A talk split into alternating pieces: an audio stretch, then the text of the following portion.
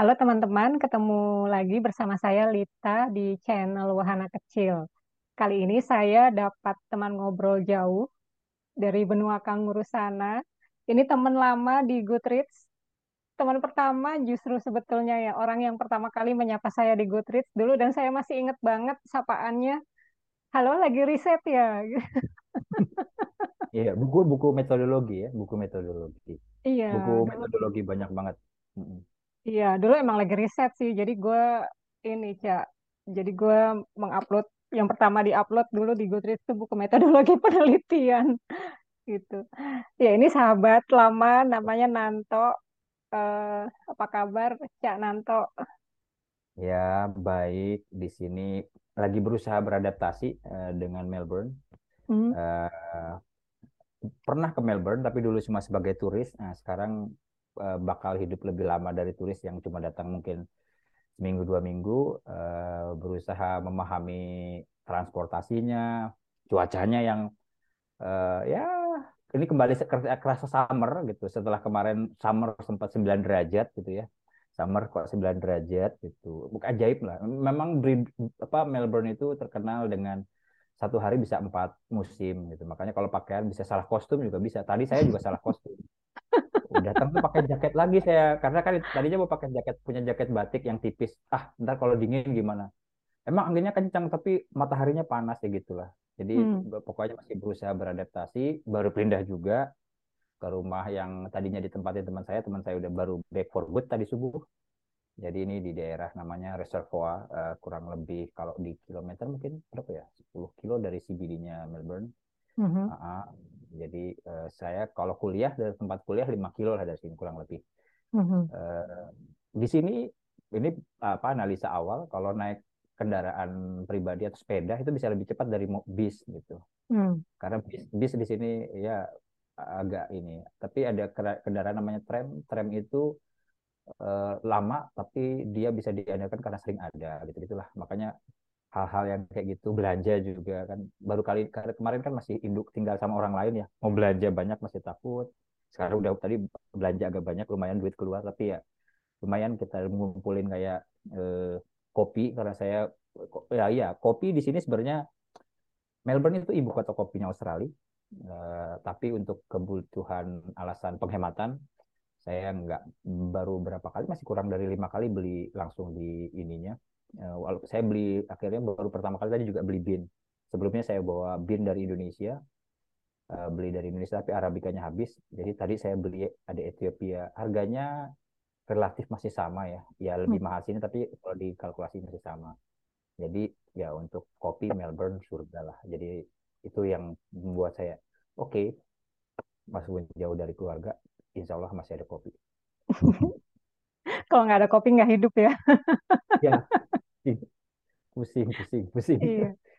Jadi selain buku, eh, itu kopi yang bikin kita bisa akrab dulu ya, Cak. Ya, betul, Ya, betul. dulu Ada. kita sering nongkrong pulang kerja bareng sambil ngopi Ya, di gitu. kopinya juga bukan kopi ini ya, bukan waralaba. Kita kopinya di mana? Di apa? Funam, Funam. Dengan roti Punam, serikaya. terus Roti anomali serikaya. juga. Oh ya, anomali. Iya, betul, betul. Anomali. Mm-mm. Mm-mm, gitu. Dan entah berapa lagi ya, kedai kopi kita sering ngopi dulu. Lupa. Ya, di daerah ini juga pernah dulu yang ada Mel ya, apa mana? Daerah Cipete, yang gitu-gitulah. Oh iya, iya. Udah nggak ada kayaknya tuh kok kedainya. Udah Heeh. bubar. Iya, Udah udah lama bubar ya. banget. Mhm. Dan Di- yang bikin akrab tuh gue sama lo itu ya, banyak seleranya kira-kira sama lah Dan baca ternyata kita bukunya. juga punya banyak punya banyak teman yang sama ya, kayak Mbak. Yanti, Irin, gitu-gitu ya. Oh, Ya, ternyata kita lingkarannya di situ gitu kan kadang-kadang eh, namanya dunia kecil tuh kayak gitu kan ya. Kalau iya. udah kayak gitu tuh saya ingat teman saya almarhum Pulung Ria itu zaman-zaman masih Hmm, kenalan lewat YM Ria, Ria tuh cuma bilang sosial media itu hanya alat pertemanan bisa macam-macam gitu. Jadi hmm, pokoknya kadang-kadang kalau ketemu bisa oh ketemunya dari sini ya gitu ya. Kayak eh, Ria almarhum itu ternyata eh, apa eh, sepupunya itu nikah sama adik angkatan terus ternyata ketemu gini-gini muter terus oh ternyata lingkarannya situ-situ juga. Pokoknya hmm, intinya ya apa ya zaman itu karena sempat isu kalau sekarang mungkin yang apa kalau sekarang di Twitter alter-alter atau apa orang kesannya bisa mempunyai identitas lain kayak gitu kayaknya lu mau kenalan di mana lu ketemu karena lingkarannya ah, pasti lu tau lah gitu profiling iya. orang itu akan akan sangat mudah karena lingkarannya bahkan ketemu muter aja gitu. iya itu gitu. entah kita yang enggak dunia kita yang sempit atau pergaulan kita yang luas sebenarnya oh, atau iya, iya anomali iya, dari dua-duanya ya iya iya Ya, ya, istilahnya teorinya hmm. Friendster masih laku lah ya, enam langkah itu. Oh, lo sih ininya ini. Hmm. Oh, sih. Oh, ternyata dia pernah di sini ya. Gitu. Ini ketahuan tuanya kita ya, lu ngomongin Friendster ya. Nah, ya, yang udah almarhum ya. Padahal dulu keren banget gitu. Ada Facebook langsung langsung kesannya jadul tuh Friendster. Udah kacau. Iya, iya. Tapi Facebook tuh pinter, Cak, dulu. Dia banyak game kan, di Friendster nggak ada. Ya. Ada kuis-kuisan orang... zaman Goodreads. Ada oh, kuis-kuisan iya. ya. Iya. iya dan bisa ngetek-ngetek itu kan di Friendster kan nggak bisa. Ya, bisa hmm. ngetek itu yang lebih interaktif ya kan. Hmm. Friendster itu kan sekadar apa majang nih kita teman siapa ya. gitu kan, sama ya. testimoni dulu ya. Iya. Di Kegiatannya Facebook. juga gitu-gitu kayak masing-masing ya, istilahnya gitu. Itu yang Iya, dan kita lebih heboh di Goodreads sih sebenarnya daripada di Facebook ya. Facebook itu pelarian kalau ada gosip di Goodreads. ada heboh di Goodreads kita bahas kita malas lagi malas bahas di Goodreads pindahin ke itu biasanya gitu. Internal joke-nya pindah ke Facebook. Iya ini kayak dulu juga zaman zaman masih ada Kang Eri terus ada Ratna ya zaman itu Pra hmm. juga kan. Awal-awal masih sibuk kadang-kadang antara nyampah sama bikin review pokoknya gabung-gabung gitu kan. Pindah dan kita ngeronda gitu. juga. Kita tukang ya, ronda juga. Kesannya pas lagi buka-buka Goodreads ada yang tiba-tiba oh diupdate. Berarti wah ada temen nih Padahal zaman itu masih zaman kalau nggak warnet ini ya apa modem kecil itu kan? Iya. Yang yang iya. relatif mahal ya kan? Gue pakai itu dulu, pakai Telkomnet instan, yang oh, kayak oh, iya. Argo itu berapa menit? Iya. Jadi iya. internet masih masih mewah lah itu, masih tergolong mewah gitu loh. Hmm. Kayak saya sebagai PNS baru berapa tahun ini ini keserap berapa ya duit gue ke internet ya? Iya. Iya, gue dulu beruntung ini sih, in, karena kantor gue dulu berbasis internet. Nah, ada hmm. kantor support ya di kantor ya. Nah, dan gue dokter dulu kan, mondoknya di kantor. Ah. Iya, menggunakan fasilitas bisa hampir 24 jam. Gitu. Uh, ngomong-ngomongin buku, kita nih janjian baca burung-burung manyarnya yeah. Romo Mangun, tapi kayaknya ini pemantik aja sih. Gue tahu lo penggemar Romo Mangun sampai hmm. terganja hmm. itu. gue nemu istilah terganja tuh di bukunya Romo Mangun, Cak. Iya, iya, iya. Yang hiu apa itu yang soal Maluku. Hiu Domam, iya. Hmm, gitu. Coba lo cerita sedikit deh. Lagi, ya. yang yang mana yang mana? Burung-burung manyar. Ah, uh, Iya, uh, kalau kita coba balik ke Goodreads dulu ya. Waktu di Goodreads aku sebenarnya nggak bikin review beneran lah ya, lebih kayak ingat cerita eh, bapak waktu itu. Eh, bapak tuh pernah cerita tentang kan bapak dulu di Solo tuh kan tinggalnya di daerah eh, dekat alun-alun selatan di daerah eh, Joyo Diningrat namanya di yang ada masjid dan gereja perdampingan. Kalau okay. kalau ngomongin yang itu situ. Nah, bapak tuh dulu pernah cerita soal kan kita taunya kalau baca tentang apa uh, sejarah 45 kan selalu yang gagah gitu ya. Mm-hmm. Bapak pernah cerita bahwa dulu uh, ada tentara Belanda baik suka muter-muter di alun-alun selatan keraton Kasunanan tuh ngajak anak kecil gitu. Mm-hmm. Nah, tentara Belanda ini sempat mau diincar sama biasalah ya tentara Republik itu kan yang kita sedang konflik. Nah, tapi orang tua-tua di situ bilang kalau mau memang di apa katakanlah dibunuh atau apa sebaiknya jangan di sini karena uh, nanti orang di sini yang pernah kena gitu ya. Itu itu itu yang saya ceritakan dan karena itu resonate dengan apa yang diceritakan uh, Romo Mangun di burung-burung manyar uh, uh, yang boleh dibilang mengangkat unsur uh, individu di tengah katakanlah nasionalisme yang sifatnya mungkin sangat komunal ya. Nasionalisme kan lebih uh, Indonesia bukan Indonesia sementara ada uh, siapa, gitu nah ini kan ada orang Belanda uh, senang sama anak kecil, suka ngajak pakai motor sidecar di alun-alun selatan gitu. Ya manusia biasa, tapi kebetulan dia orang Belanda dan kemudian ada ada orang tentara dari Indonesia yang berseberangan mau dihilangkan. Orang tua di situ juga bukannya tidak nasional sih ketika bilang jangan dimatikan di sini nanti orang Belanda ngamuk kampung sini yang dirusak sama Belanda gitu kan. Hmm. Karena iya dan ya kayak gitulah bahkan termasuk cerita bahwa eh, dalam konflik itu ibu saya sendiri juga pernah cerita dalam konflik bahkan Pak D saya eh, dulu karena ibu saya yatim gitu yatim piatu dia kakaknya yang pertama yang jadi pelindung ketika ketika revolusi itu rakyatnya juga cukup terjepit. Kadang hmm. eh, datang Belanda dianggap pihak Republik ketika ada ya gitulah. Nggak semuanya kadang hitam dan putih gitu. Ada kisah-kisah lain. Dan itu yang saya temukan di BBM gitu loh. Manusia antara gitu loh ya. BBM yeah. itu kan cerita tentang Seta Dewa dan siapa? Uh, Atik. Siapa? Atik.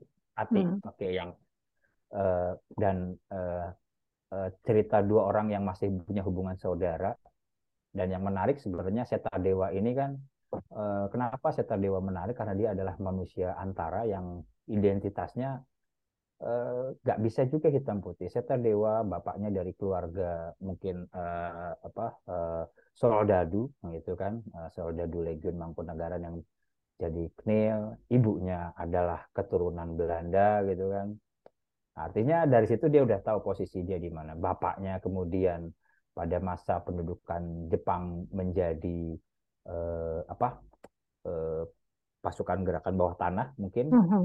seperti itu. Eh, ibunya jadi korban seperti itu sampai ibunya harus eh, berakhir di rumah sakit jiwa gitu. Akhirnya karena kepedihan itu dia lebih memilih Belanda daripada Republik yang dianggap sebagai buah dari fasisme Jepang yang membuat keluarganya berantakan artinya ada semacam bahwa uh, nasionalisme atau kemudian pilihan pribadi itu ada hal-hal yang kemudian menyangkut pribadinya atau juga di luar kendali semacam itu kan. Ada predestin sekaligus juga ada pilihan-pilihan.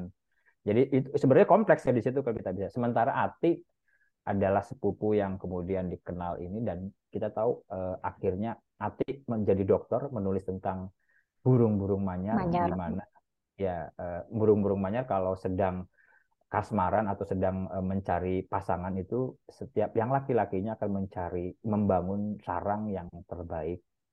Mencari eh, betina yang kemudian mau memilih siapa sarang yang akan dijadikan tempat tinggal. Tetapi begitu pilihan jatuh kemudian lelaki yang pejantan yang gagal itu akan mengacak-acak ini kan hmm. bisa semacam apa ya bisa saya nggak mau langsung langsung bawa tamsil ini tamsil itu tapi juga bisa dilihat bahwa kisah ini apa burung-burung menyar itu adalah kisah Atik dan Seta Dewa gitu kan hmm. Dewa itu yang boleh dibilang dan ironinya kemudian Atik ketika pergi haji eh, kemudian eh, apa meninggal karena pesawatnya kan eh, apa kecelakaan dan anak-anaknya diasuh oleh Seta Dewa. Dan ada satu momen antara Atik dan Seta Dewa ketika pilihan-pilihan itu adalah ketika Seta Dewa berada sebagai serdadu Belanda memasuki Jogja gitu kan. Hmm. Dia melihat uh, Atik di sisi Republik uh, sedang melihat bagaimana Soekarno digiring dan sementara ini juga itu satu dan hmm. dan dan dan artinya ada ini set, ada Seta Dewa dan Atik yang bersebelahan sekaligus mereka jatuh cinta seperti itu sampai pada akhirnya anak-anak Atik ketika Atik tidak ada diasuh oleh Sata Dewa. Itu yang uh, kita bisa berangkat uh, tamsil apa yang diangkat dari situ, mulai dari persoalan individualisme dan komunitarian nasionalisme, atau hmm. juga kita juga sebenarnya tidak bisa melupakan ada satu bagian kecil uh, dari yang ditulis Mangun Wijaya tentang Sahrir ketika um, Jakarta sedang tegang. Hmm. Sahrir, hmm. kita tahu ini eh, dulu sempat ada banyak ya kayak periode bagaimana Jakarta itu menjadi Bekasi gitu loh ya. Bekasi sekarang sering diledek sebagai planet Bekasi, tapi Bekasi sebagai kota patriot itu sebenarnya perlu diangkat ke, ke posisi yang lain. Sebelum Jogja ada Bekasi, Kerawang Bekasi, bagaimana eh, konflik itu begitu. Saya kemarin kebetulan sebelum ini dapat buku tentang tokoh-tokoh Bekasi, bagaimana Eh, banyak uh, katakanlah bahkan Pram juga pernah bergerak di Bekasi sebelum ketangkap ya. dan kemudian gitu kan artinya sebelum ada Jogja, ada semacam front timur Jakarta yang memang panas dengan cerita banyak, eh, ada Inggris, ada Belanda dan lain-lain. Dan Sahrir ketika itu masih di Jakarta sempat di stop, nah, itu ditulis oleh Mangun Wijaya dan kemudian ada seorang kecil yang berani, hmm, jelas di situ Mangun sangat mengagumi Sahrir dan itu sebenarnya sangat ini. Karena di lain kesempatan Mangun juga menulis di buku kumpulan tulisan tentang manusia dan kemelut ya eh, yang diedit kalau nggak salah. Warna merah lupa saya. Gambarnya foto Agus Haji Agus Salim. Di situ yang menulis tentang Sahrir adalah Mangun Wijaya. Di situ ada Pak Mohtar ada Pak Taufik Abdullah yang ikut nulis. Saya ingat buku itu karena dulu pertama kali beli 15 ribu hilang. Terus dapat di pameran buku di Canberra waktu itu. Hmm. harganya harganya 50 sen berarti cuma 5 ribu lebih murah dari Jakarta Iya. Di, di, itu peninggalan mahasiswa yang keberatan buat bawa pulang lagi apa gimana mungkin? atau mungkin buku karena di Canberra banyak PNS atau mungkin oh, peneliti iya. mungkin mereka bawa harganya cuma 50 sen itu mm -hmm. itu buku, buku di situ Mangun Wijaya menuliskan itu nah eh, Mangun ini kan eh, dan buku ini kan dapat penghargaan ya artinya eh, ini juga bagian eh, sebenarnya ketika menaruh Sahrir di sana juga menarik ya karena Sahrir adalah orang yang mungkin melihat individu itu tidak boleh kemudian hilang dalam semangat nasionalisme yang komunal gitu artinya atau kalau membicara ini selalu dikritik adalah nasionalisme bambu runcing hmm. gitu.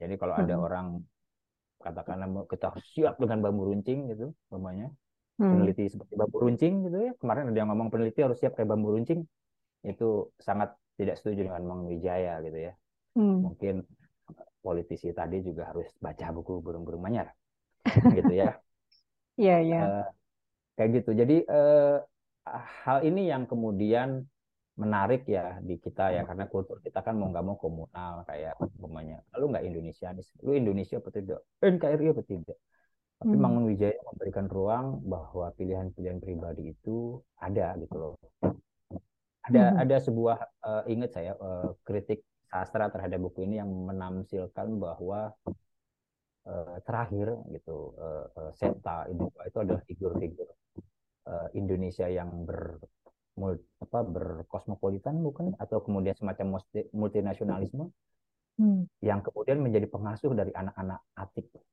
Hmm. Atik yeah. ini kan gambaran gambaran nasionalisme itu sendiri gitu loh. Iya. Yeah. Dan jelas perempuan mungkin, juga ya kebetulan. Betul. Di hmm. Ikan Hiu Doma juga perempuan. Hmm. Ya. Hmm.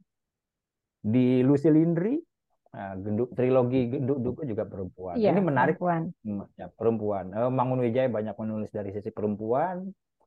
Ya, buat saya menarik gitu loh. Uh, Sieta Dewa disandingkan dengan Atik itu buat saya oh, salah satu ini. Dan hmm. jujur uh, uh, uh, kalau beda sih, saya pengalaman saya membaca Sieta apa BBM dengan Ikan Hiu Doma itu beda. Ikan Hiu Doma itu saya punya saya, bukunya punya teman saya ada di rak satu rak berapa lama saya nggak pegang-pegang. Hmm. seperti kan tahu kan awal halaman awalnya? Oh iya. Pulang penelitian. Mm-mm. ya apa sih novel kayak gini gitu. Iya iya iya. Karena Walaupun itu juga kan karena disisipkan laporan penelitian juga di awal bab kan. Betul. Memang kan kesannya itu yang mau dibangun. Jadi kayak ada yeah. lapis-lapis kita dari situ Mm-mm. nah, makanya sempat ya makanya kayak ya, dalam membaca tuh kan gitu ya kadang-kadang kita kepentok udah taruh dulu tapi ternyata entah gimana ada jadi kayak ngegas nah gitu.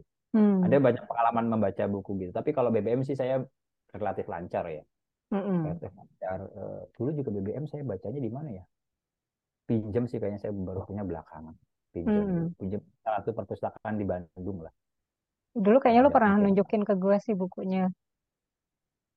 Terus... Punya, itu setelah setelah kerja gitu ya. Mm-hmm. Pas waktu kuliah nggak punya, punya pinjam pinjam buku dari perpustakaan mana kayaknya. Kalau yang ikan hiu doma aku masih ingat itu punyanya uh, temennya teman yang entah gimana biasa kan dulu pinjam-pinjam nyebar gitu terus ada di yeah. sini gitu ah, itu kan udah kalau gendu apa Lucy Lindri bacanya malah belak, baru belakangan ya hmm. uh, ya itu ya kembali ke soal Mangun Wijaya dalam beberapa ini uh, sepertinya memang ada semacam uh, satu soal perempuan dan satu soal individualisme. Individualisme bukan individualisme ya.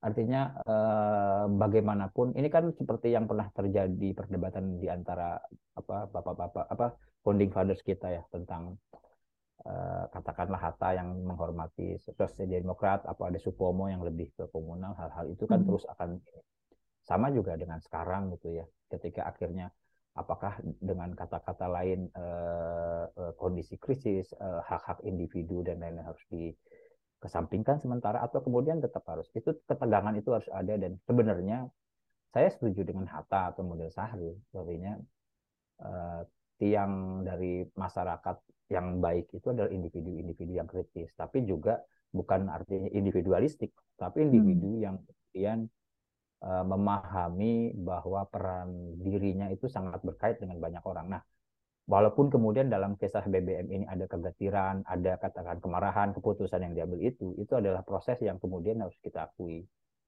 Uh, karena uh, jujur belakangan terakhir saya baca buku lain yang menarik, yang yang tentang gadis Belanda yang datang ke Indonesia karena pilihan gitu loh. Mereka ikut suami memang sebagian.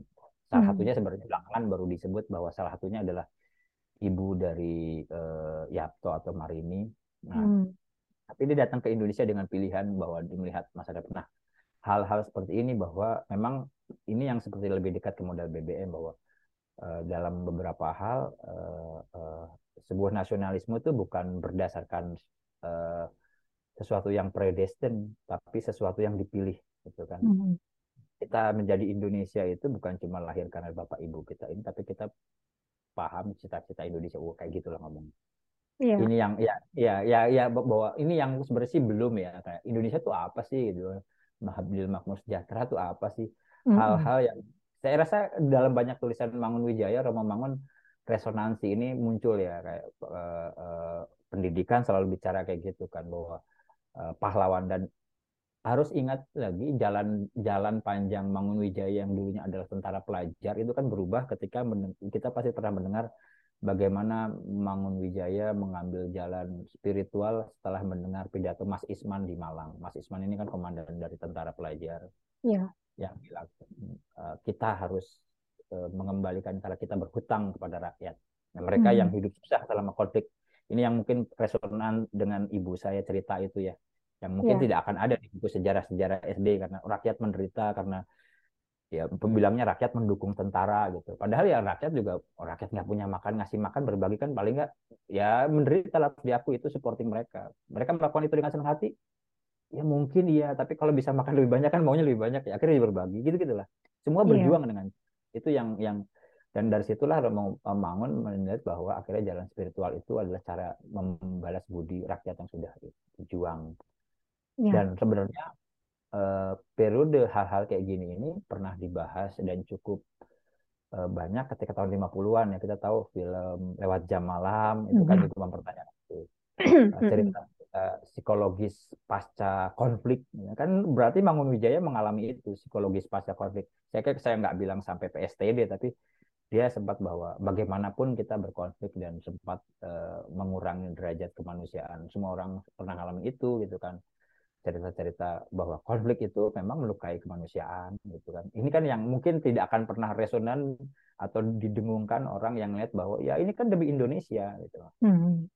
Nah, pertanyaannya yeah. apakah demi Indonesia ada uh, kemanusiaan dan individu? Ya oke okay, gitu tetap tapi tetap perdebatan kesan dan uh, dalam apa perspektif Mangunian ini individu adalah yang tetap harus menjadi uh, tujuan utama karena pembangunan individu. Ya masyarakat yang besar itu harus tetap juga bisa menjaga walaupun ada yang dikorbankan suatu saat individu tetap harus dikembalikan itu sih mungkin yang bisa di ini hmm. saya melihatnya Mangunwijaya itu gitu dan makanya yeah. di, di ya pantasan ada bagaimana mungkin sebuah novel menempatkan saya nggak bilang tokoh protagonis atau antagonis menghabiskan sekian banyak lembar halaman tentang Seta Dewa kan gitu Atik baru muncul di belakangan ya kan agak belum muncul gitu kan mm-hmm. bahkan sudut pandang Seta Dewa terkesan dominan walaupun Atik ada selalu di situ gitu kan iya gitu kan ini iya. agak agak beda sementara kalau di yang ikan hiu masih perempuannya dominan gendu duku itu perempuan sekali ini perempuan laki-lakinya bermain iya gitu. mm-hmm. iya gitu. dan ini sih kalau gue ngelihatnya Romo Mangun tuh berusaha me, me, apa, mengajukan sosok yang manusia abu-abu kayak yang lo bilang tadi. Iya. Si Seta Dewa ini kan dia hmm. ya mungkin dengan segala konflik yang terjadi pada dirinya juga uh, keturunan juga kan dari turunan dia juga abu-abu sebenarnya kan. Iya. Solo juga, Belanda juga gitu. Meskipun uh, Belanda dari Dan ibunya. Ada satu lagi bagiannya. Hmm. Uh, ini yang pernah saya ngomong sama Irwan ketika uh, bicara. Uh, identik kan stereotipnya yang kalau manusia timur itu manusia mistis gitu hmm. ya. Hmm. Nah, ternyata kalau di Sita Dewa ibunya yang lebih mistis dan lain-lain, bapaknya sangat rasional gitu-gitu ya. Hmm. Ya kan? Itu itu ada iya. bagian yeah. yang memang dari akarnya Seta Dewa ini menjadi abu-abu gitu kan. Iya, Iya, gitu. bagaimana dia menghadapi uh-huh. kaptennya itu siapa namanya? Kapten Belanda yang dikenalnya iya, yang itu. pacar pacar ibunya, yang hmm. mantan yang mantan pacar ibunya. Juga, kan gitu. Uh, uh, uh, uh. Tuh. Iya. Kita harus break dulu, Cak. Ini udah dapat. Oh gitu. Gue nggak ngerti Sip, uh, Zoom Pro gue kenapa terus kekat. Hmm. Jadi Padahal masih ada masa berlaku gitu, tapi terus kemarin waktu yang ngomongin uh, apa Pram tuh ini nggak bisa. Jadi gue cuma dapat 40 menit, 40 menit gitu. Itu sama aja gratisan tuh. Kenapa? Ya sama aja gratisan, bukan? Iya, kalau yang 40 menit. Nggak harusnya gue masih hmm. ada sampai bulan uh, Maret. Hmm. Zoom Pro gue. Tapi nggak tahu ini nggak ngerti kemarin udah gue kirim email segala macem gue disuruh Belum nunggu ya? mm -mm. itu oke nah, jadi, jadi ini jeda dulu jeda dulu lo kalau mau bikin kopi dulu boleh tadi gue udah ngopi uh, tadi udah beli es krim juga di sini es krim murah di ini soal balik lagi ke Seta Dewa Mm-hmm. Ini gue suka banget sama tokoh ini sih, karena yaitu dia abu-abu mm-hmm. dan dari awal hidupnya emang udah berkonflik gitu. Mm-hmm. Tapi ada satu hal yang menarik itu waktu dia ditanya dia orang apa sih gitu, mm-hmm. dan dia menjawab saya ini multinasionalis. Yeah. Ya, Romo Mangun menuliskannya gitu. Nah, terus gue inget sama wawancara Gita Wirjawan dengan seorang guru besar orang Indonesia tapi di luar hmm. uh, di Nottingham University kalau nggak salah sorry bukan yeah. Taiwan hmm. tapi Nottingham University oh, Notting Nottingham ya ya nah, di Inggris dan dia bilang uh, orang Indonesia itu coba deh tiru-tiru orang India atau Cina kalau dia belajar ke luar negeri itu jangan buru-buru pulang dan nggak usah diburu-buru pulang gitu karena yeah menuntut ilmu tuh dua tahun, tiga tahun, enam tahun, delapan tahun tuh nggak cukup gitu. Terus ya, pulang tuh sampai Indonesia juga uh, beda tempatnya, belum tentu ada mau jadi apa di sana di Indonesia gitu pulang. Kalau hmm. tempatnya nggak ada, malah jadi buang-buang energi aja dia belajar di luar negeri gitu. Di sini nggak kepake gitu. Menurut lo tuh hmm. gimana, Cak?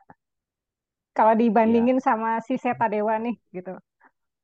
Eh, agak beda sih sebenarnya jujur aja agak beda. Pertama kalau Seta Dewa lebih ke ke ke bagaimana dia membangun konstruksi diri, sementara yang satu lagi bagaimana cara terbaik uh, mengembangkan diri gitu. Apakah kita harus selalu dalam kerangka nasion atau kerangka komunal tadi atau kemudian kita lebih mendahulukan individu kita. Agak mirip tapi sebenarnya kalau aku bilang kesimpulan beda. Nah, Uh, bedanya adalah kalau pada konteks uh, yang peneliti tadi memang uh, kita harus akui ketika kita kembali ke Indonesia ya aku ingat ini uh, ucapan Mas Muridan almarhum ya, ya Mas Muridan uh, ya sama Mas Muridan dibilang dekat banget enggak tapi uh, jujur Mas Muridan dalam banyak hal uh, secara langsung mungkin tidak dikhusus ke, ke gue tapi uh, mulai dari yang pertama aja ketika masuk LIPI masih anak kroco Muhammad CPNS waktu itu belum tahu siapa kemudian cuman kan pakai topi pet lagi mm-hmm. baru tiba-tiba nongol.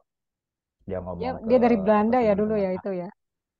Ya uh, uh, ngomong ke tim admin gitu dia ngomong di sini nih apa harus dibanyakin orang gila ini harus gue ketawa-tawa siapa tuh?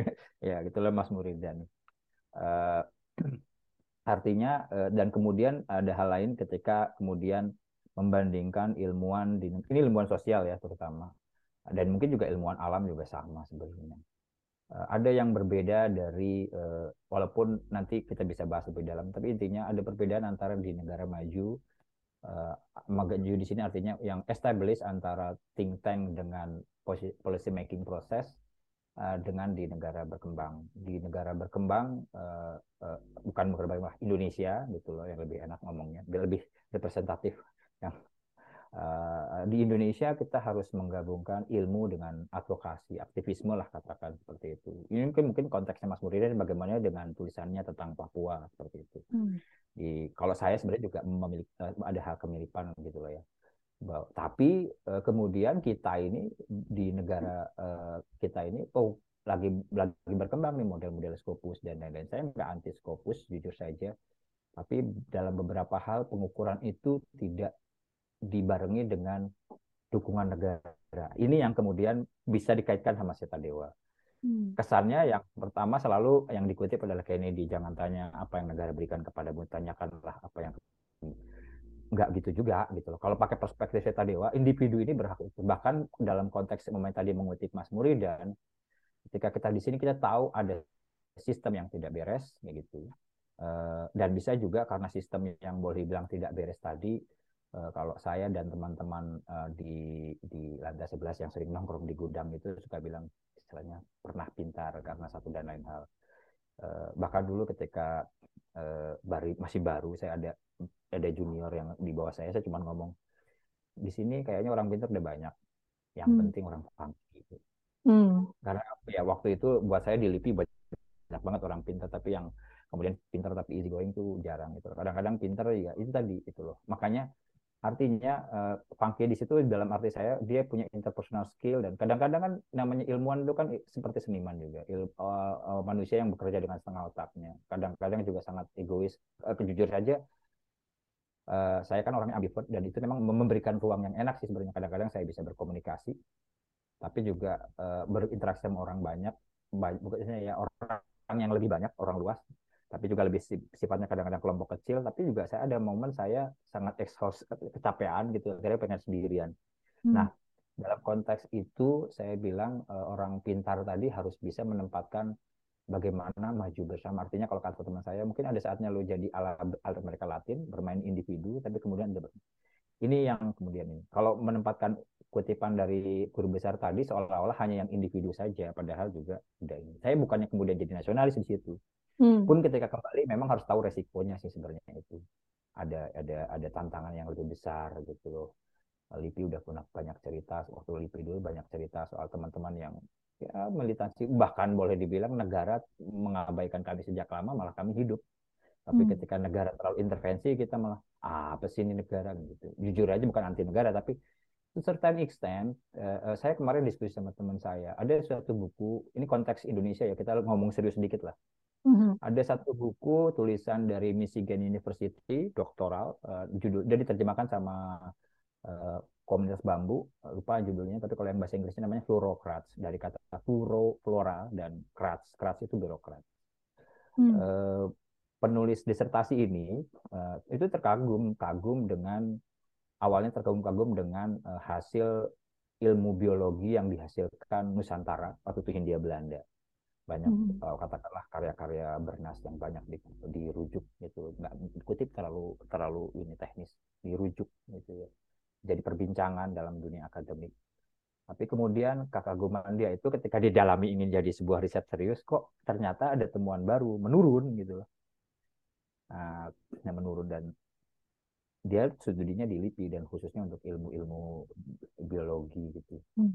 Eh, kemudian kesimpulan dia adalah semakin tinggi birokrasi maka produknya makin menurun gitu.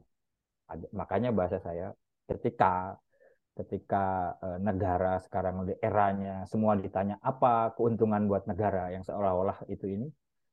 Uh, ketika ditanya apa keuntungannya tidak dibarengi juga. Ya biasanya kalau yang katakanlah neoliberal itu apa kan market itu adalah debirokratisasi Hmm. Dalam dunia riset, ketika diharapkan kita diharapkan untung, birokrasinya makin mengikat. Udah itu udah udah suatu kontradiktif. Saya nggak tahu yang di atasnya ada atau enggak. Hmm. Artinya sebenarnya ya harusnya ada di birokrasi. Kita kita dikasih ruang bahwa peneliti ini contoh sederhana aja. Uh, saya masih ingat ketika saya dulu wawancara, saya wawancara di P2P LIPI pada waktu itu ada enam orang pewawancara, ada Mas Ikrar, Mas Haris, Mas Kiki, uh, Mas Hamdan, uh, Mbak Ratna ya satu lagi siapa ya udah ya itu ya lima orang kalau nggak salah uh, ada pertanyaan Mas Hamdan, uh, senior saya yang uh, mendalami kajian uh, Islam dan politik uh, dan Timur Tengah juga. Ketika ngomong, kamu mau kaya nggak? Mm-hmm.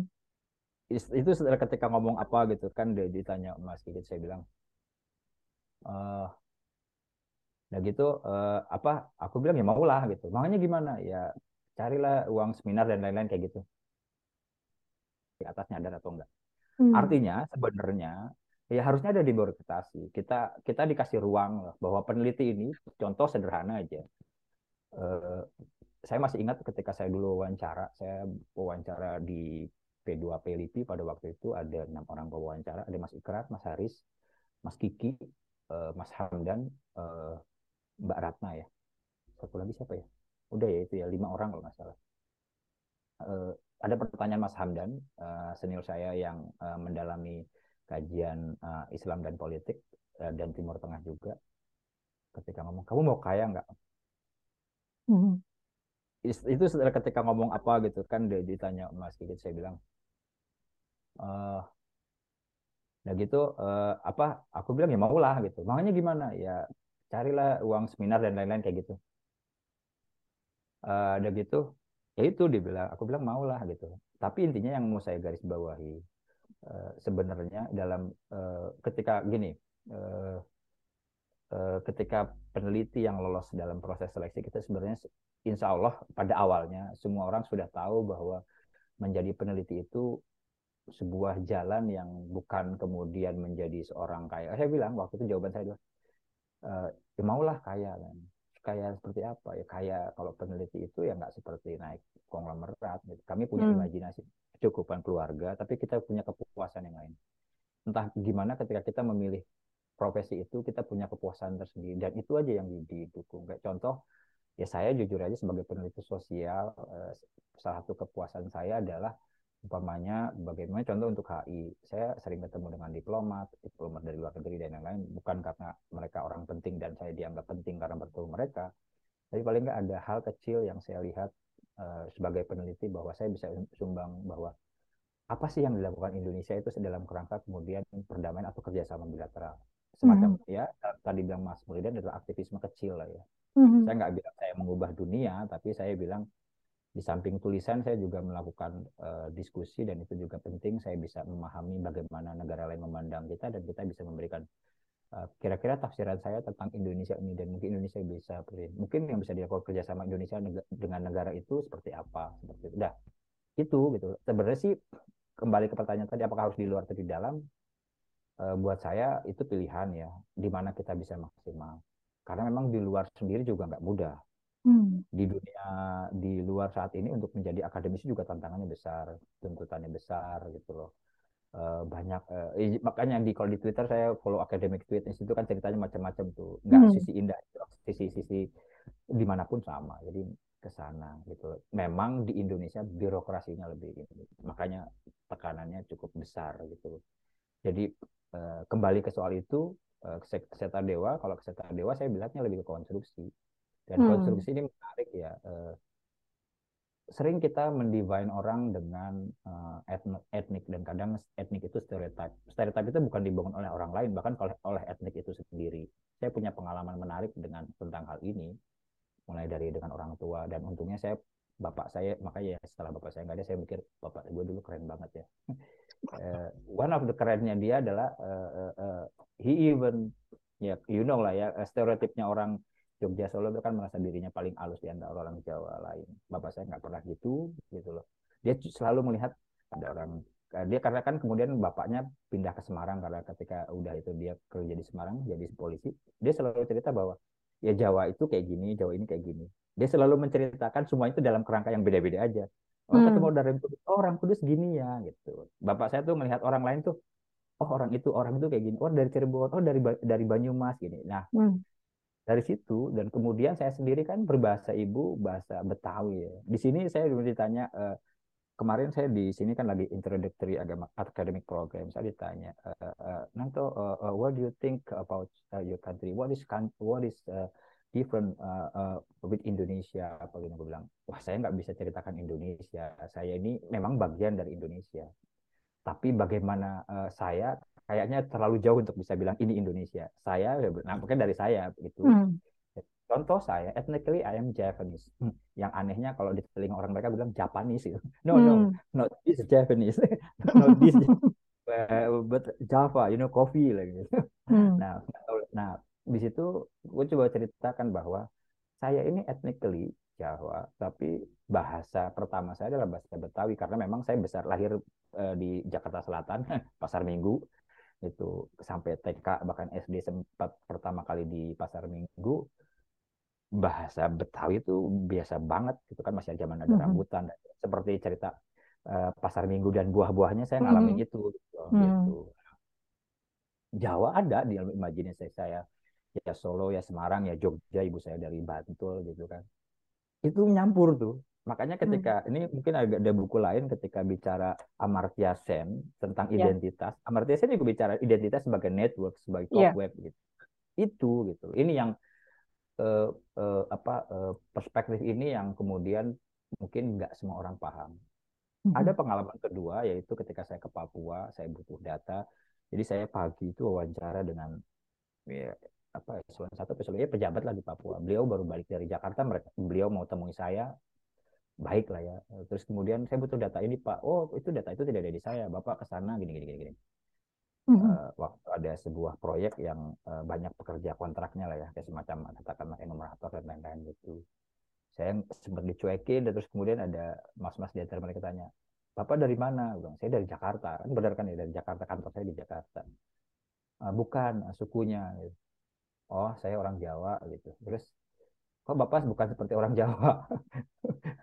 Saya ada so what? Gue ke sini bukan hanya suku cari data gitu. Ya saya sendiri memang sering dianggap bukan orang Jawa gitu. Mungkin karena cara bicaranya terlalu belak belakan mm -hmm. atau mungkin raut mukanya jauh dari stereotip orang Jawa yang ya gitulah gitu. Mm -hmm. saya itu gitu loh. Hal itu yang kemudian membuat saya uh, ya uh, mungkin uh, kalau ada assumption is the mother of all the fuck up gitu stereotype itu juga sama dengan assumption saudaranya lah mm -hmm. gitu. jadi kita perlu kemudian ketika kenal orang saya makanya saya bilang sebagai peneliti kan kita profiling orang ya mm-hmm. wawancara apa begini gini gitu itu yang mm-hmm. membuat kita saya melatih jangan terlalu cepat menyimpulkan orang ini ke mana gitu. Dengerin dulu. Bahkan kemudian setelah itu harus ditulis dulu oh ini kenapa ya gini? Gitu. Pelan lagi analisa. Itu itu, itu apa ya kalau orang Jawa nyebutnya belakangan saya belajar jadi Jawa ketika pasca pasca Soeharto jujur saja uh, uh, uh, niteni itu ilmu titen ini kan ada hal ilmu titen atau kalau bahasa ada uh, ilmuwan dari Jepang namanya nonaka manajemen menyebutnya tacit knowledge. Sementara hmm. explicit knowledge itu adalah ilmu yang diperbalkan hmm. dituliskan sementara tacit knowledge itu ilmu yang dilaku. Dan laku ini banyak di Indonesia. Cerita-cerita kayak kita tahu uh, bagaimana umpamanya uh, pengrajin itu kan. Sebenarnya vokasional ini lebih ke tacit mm-hmm. dan ini kemudian bisa dikembangkan. Artinya hal-hal yang kayak gitu tuh apa ya uh, kayak contoh kita sering ya uh, uh, ma manusia itu sering jadi korban itu korban bagaimana kita dikelompokkan dan hilang dalam kelompok itu makanya yeah. Iya. uh, uh, itu yang kemudian dalam novelnya Romo Mangun ini mengingatkan hal itu gitu loh mm -hmm. uh, dan dan dan ini kadang-kadang memang bukan opini populer gitu loh mm -hmm apalagi sekarang kalau dikaitkan sekarang lagi zaman populisme gitu. Sosial media itu juga membentuk kita ke arah sana sebenarnya. Kita yeah. belakangan tahu betapa uh, sosial media instead of making our more social, actually itu membuat kita makin monoton, monoculture gitu. Ya gue kenalnya yeah. malu, suka buku gitu kan. Mm-hmm. Di Facebook gue isinya uh, kopi dan buku gitu. Padahal mm-hmm. mungkin gue bisa aja kan gue belajar mekanik gitu. Sampai, yeah. atau belajar baca peta gitu. Gue nggak tahu gue sering nyasar gitu. gitu. Yeah. yang algoritma ini gitu loh uh, kayak gitu. Jadi uh-huh. ada ada banyak hal yang kemudian ruang-ruang ini yang harus dibuka ya termasuk kayak uh, penelitian sendiri gitu. Kalau contoh ngomong penelitian gitu. Ada kadang kalau saya dulu di LIPI itu juga saya jujur kadang-kadang menghadapi stereotip umumnya, oh, penelitian sosial cuma gini doang kan gitu. Uh-huh stereotip yeah. atau apa itu kan sebenarnya berangkat dari upaya kita untuk apa ya eh, justru malah ironi sih kalau di di ilmu hmm. karena ilmu harusnya kan basicnya ingin tahu tidak gampang mengeneralisir gitu. Itu sering Mhm. ada ada juga ya betul makanya uh, uh, pernah pintar tadi yang saya bilang tadi itu adalah bagian ketika kita uh, apa ya uh, kalau bahasanya Steve Jobs itu lupa untuk stay foolish stay humble. Hmm. Ya, itu itu yang yang kemudian ya gitu loh. Makanya uh, pengalaman kemarin ketemu oh, ya nanti ini online ya. Nanti ada yang nonton. Kayak gitu bagaimana rasanya ditabok dan wow stay foolish ada stay foolish feelings kayak gitu Iya, intinya iya. itu yang kita kan kadang-kadang gitu ya ketemu Hmm. orang kayak kayak kayak di di di, di saya di Latrobe Uni ini kan satu-satunya PhD teman yang lain dari negara lain itu uh, master gitu Mhm. Kalau saya nggak stay foolish uh, saya bilang e, kamu gini saya sibuk ngasih tahu orang tapi saya nggak belajar dengan orang lain.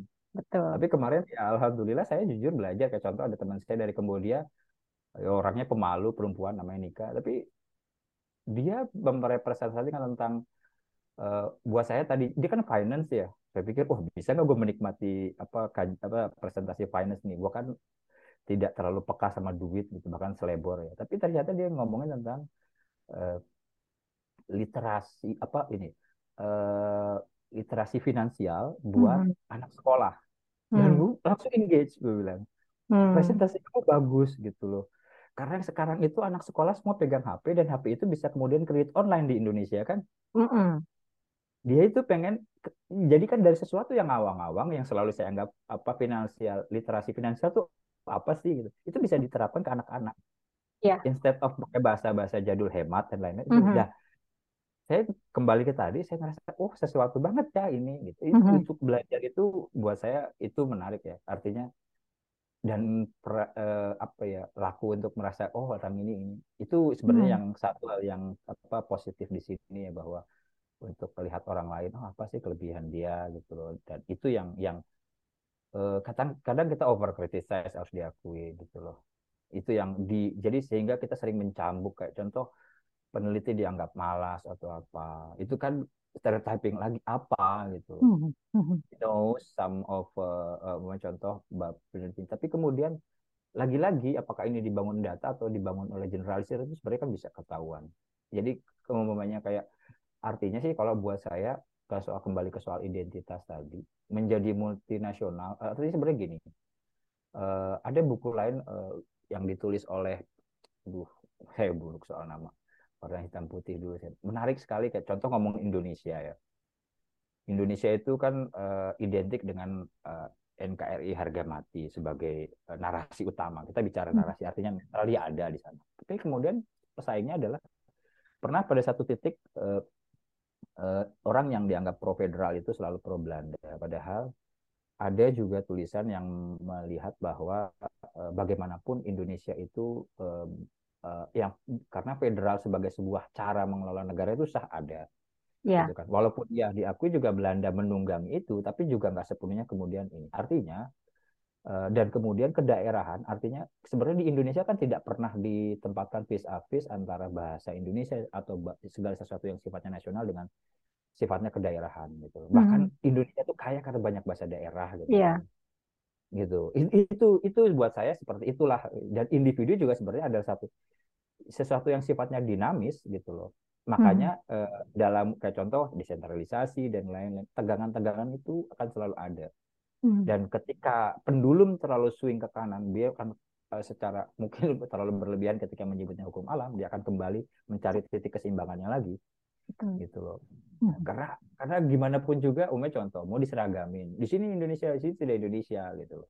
Saya ingat Mhm. pernah ada demonstrasi, bahkan aparatnya sendiri berteriak ke aparat lain, lo NKRI nggak sih gitu ya Allah apa Mhm. yang saya sih jujur ya sebagai pribadi wow ada yang salah dengan cara itu gitu loh buat saya buat saya itu artinya eh, kembali lagi bicara tentang nasional karena gini eh, saya nggak mungkin kita bicara tentang nasionalisme kan kita juga tahu salah satunya Om Ben ya Om Ben itu kan menarik ketika mengangkat bahwa nasionalisme di eh, Indonesia itu ke sebenarnya kalau secara debat teoritis kan Om Ben itu mengangkat nasionalisme di periferi yang terjadinya di pinggiran Indonesia ke perdebatan nasionalisme di London. Karena Hmm. di London itu mostly melihat nasionalisme itu negatif karena pengalaman Eropa lah ya.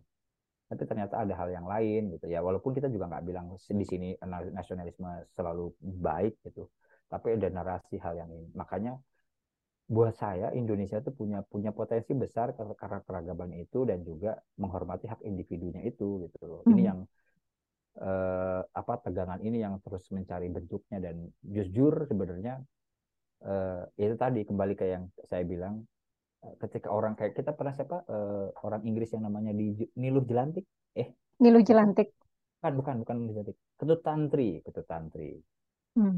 Ya, Ketut Tantri itu kan orang Inggris yang membantu Indonesia lewat siaran radio dan mendapat nama ya. Bali.